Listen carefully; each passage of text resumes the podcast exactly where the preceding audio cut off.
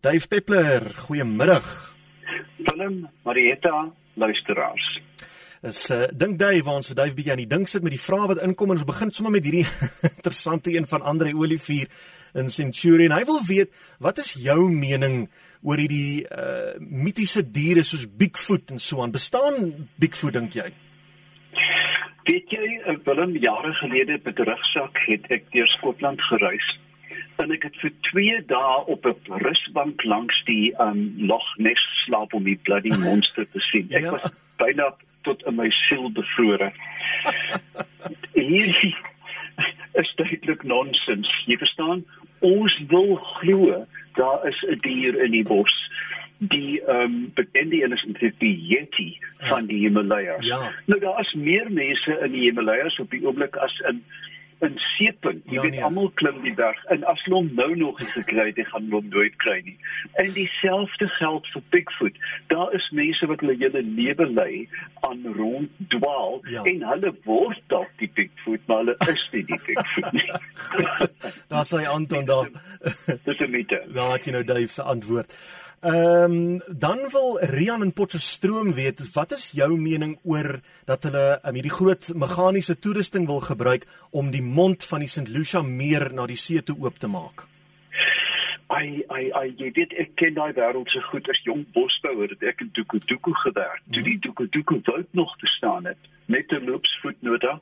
Ek het meer geld gemaak deur baboenadders en mambas te vang as wat ek uit my salaris verdien het dit is 'n regtig 'n baie groot probleem. Jy sien wat met die St. Lucia stelsel gebeur het, is dat al die water wat die mond oopgehou het, is en ek sê dit versigtig, is deur landbou onderskep, mm -hmm. veral suikerrietboerdery. Met ander woorde, die normale vloei van die stelsel is totaal daarmee heen.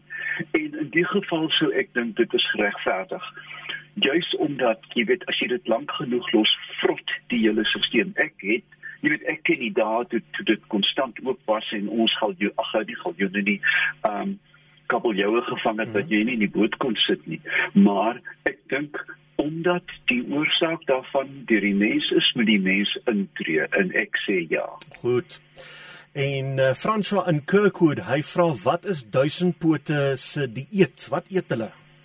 Hulle eet detritus. Nou detritus is die goed wat rondwaai. Met ander woorde klein plantgedeelte die reste van plante. Sommige duisend duisend pote sal ook jong plante vreet. Jy weet, soos kropslaai wat opkom. Maar hoofsaaklik vreet hulle detritus met ander woorde organies vry vry organiese materiaal in die omgewing. En jy weet natuurlik na die reën daar is ek kry ek kan nie sê hoeveel besyne briewe nie van uitbrake van duisendpote. Dis ja. goeie weer. Um hulle het uh, ordentlik eiers gelê en nou vreetlik vir die voet. Maar as daar so 'n uh, uh, dit is nie uitbraak nie, dit is 'n uitbreking. Mm -hmm. Vergewe my, dis 'n verkeerde woord. As daar so 'n uitbreking is, dan uh, sal hulle baie keer lewende plantmateriaal vreet. Maar hoofsaaklik vreet hulle organiese materiaal wat vrylik in die natuur voorkom. Hier is 'n vraag van Reynou Eksteen.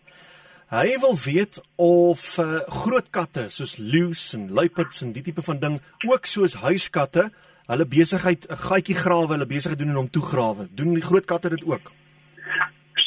Van die groot katte, nie almal die die groot katte wat gewoonlik territoriaal is en groot woongebiede het, gebruik hulle urine spaarsamig en sproei. Jy weet daai ding van ooh, jy weet as 'n kat in jou huis kom en daai stert staan pen reg op en net die boonste puntjie begin vibreer, dan moet jy jou regmaak vir die boegelwalm.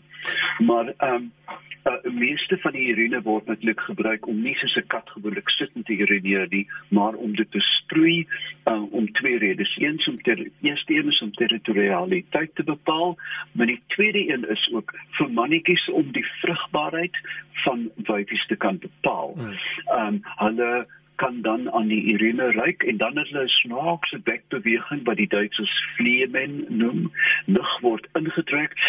Jy kan dit hoor oor die orgaan van Jakobsen wat in die hemelte sit mm -hmm. en dan kan hulle sê ah uh, mevrou uh, juffrou X um, is uh, is reg vir paar en dan kan die die ewige spel begin van roep en byt en beklei en wat ook al. So ja, um, na my wete, mens sien netlik luiperds begrawe nie hulle mis nie. Jy sien dit gedurig in die oh. omgewing en dit het netlik ook 'n funksie. Dit stink dat dit bars, maar dit is ook 'n advertensie. Dis my paadjie hierdie, dis my boom hierdie.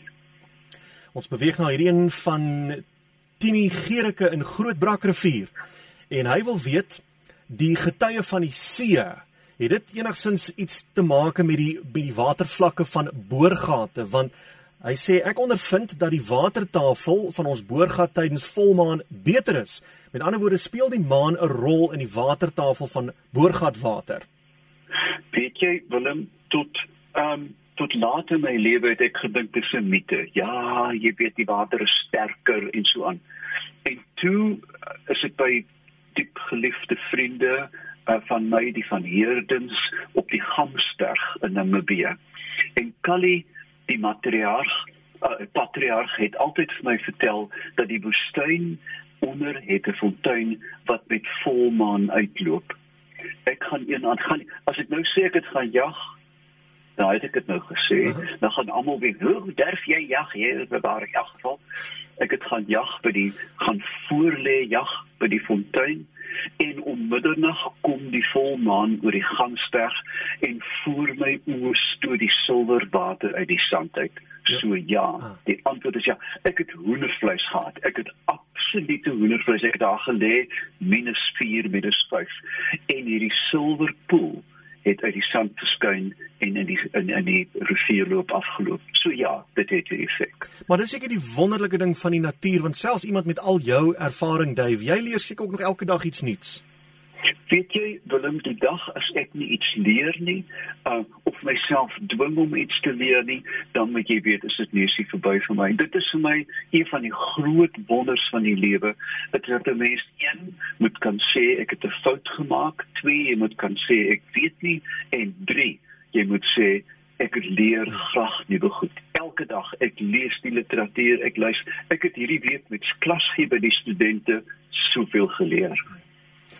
Mart, hierso sê sy ek het 'n groot laurierboom voor my agterdeur, maar daar is nooit voëls in die boom nie. Het jy dalk enige idee hoekom dit die geval is? Kyk, laurier Laurus nobilis, selfs op 'n warm dag kan jy die boom ruik. Jy weet hy daai pragtige diep kombuisryk van van kook aan hom. En ek vermoed dat hierdie dat die boom wel nou nie in die koue nie, maar as dit matig of warm is, heel moontlike gas afskei um, van die vlugtige komponente van laurier. Ons weet ook natuurlik dat laurier uh jy weet dit is 'n dis 'n immergroen boom, maar ons weet ook dat voëls kan ruik. Nie almal nie, maar meeste van hulle kan ruik. Duwe by name kan baie baie goed ruik hmm. en vermoedelik is dit een van die boom se meganismes om moontlike saad en blaarvleters weg te hou. Helene vra wat kan ek op my honde se ore smeer wat so erg deur die vlee gevreet word en gesteek word sommer dat die bloed so loop. Ai ai ai foi tog ja. Jy weet en as daar eers 'n smeerplek is dan weet elke vlieg in jou buurt daarvan. Ja, want 'n vlieg is ook 'n ding wat baie goed kan ruik, nee. O, oh, 'n vlieg in 'n brommer, ek meen, maak 'n veldie. Boeta. uh, daar hoef nie wind te wees nie. Jy sit nog gedink dan is hulle daar. Uh. Maar um, ek sou voorstel my wenk wat ek vir teen muskiete uh voorgestel het dat Penny Royal die kruipende kruid wat baie dis eintlik 'n onkruid 'n ment dat 'n mens dit aanplant en dan dit in jou hande kneus en aan die honde se ore smeer. Dit is 'n baie dink ek sagte natuurlike manier om dit te doen en ek sou graag by die luisteraar wil hoor op dit. Ek het stellig die vermoede dat dit wel kan werk. Daar is natuurlik ook die gewone goed wat jy aan mense spuit met DEET, die aktiewe komponent, maar uh, dit is nie ontwerp vir honde nie en 'n mens weet tog, jy weet hulle dink al jy dink 'n hond is robuust, maar die velle is sensitief, hmm. katte se velle is en ek dink 'n bietjie penny royal as 'n mens dit dalk in 'n in 'n vloeibare vorm kan kry. Uh vat 'n takkie, vryf dit tussen jou hande en smeer dit aan die aan die geaffekteerde ore. Ek is byna seker dit gaan werk. Nog hierdie ene van Annetjie in Kaapstad wat sê drink spinnekoppe water, spesifiek hierdie daddy long legs want daar's gedurig van hulle by my kat se waterbak. Ek um, dit is een ding wat ek 'n kleinerige klokkie wat jy kan lei. Die antwoord is ek weet nie.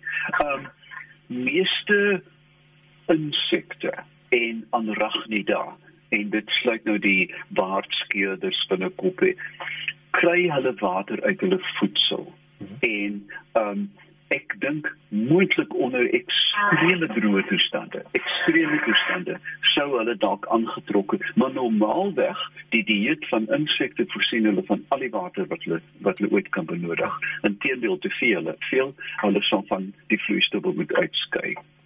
En dis alwaar vir ons tyd het Dave. Baie dankie en 'n lekker dag vir jou. Verder ons maak volgende week weer so. Ons maak beslis so tot dan. Dis Dave Peppler, hy het ook 'n webwerf waar jy kan wat jy kan besoek dis davepeppler.com of gaan soek hom op Facebook.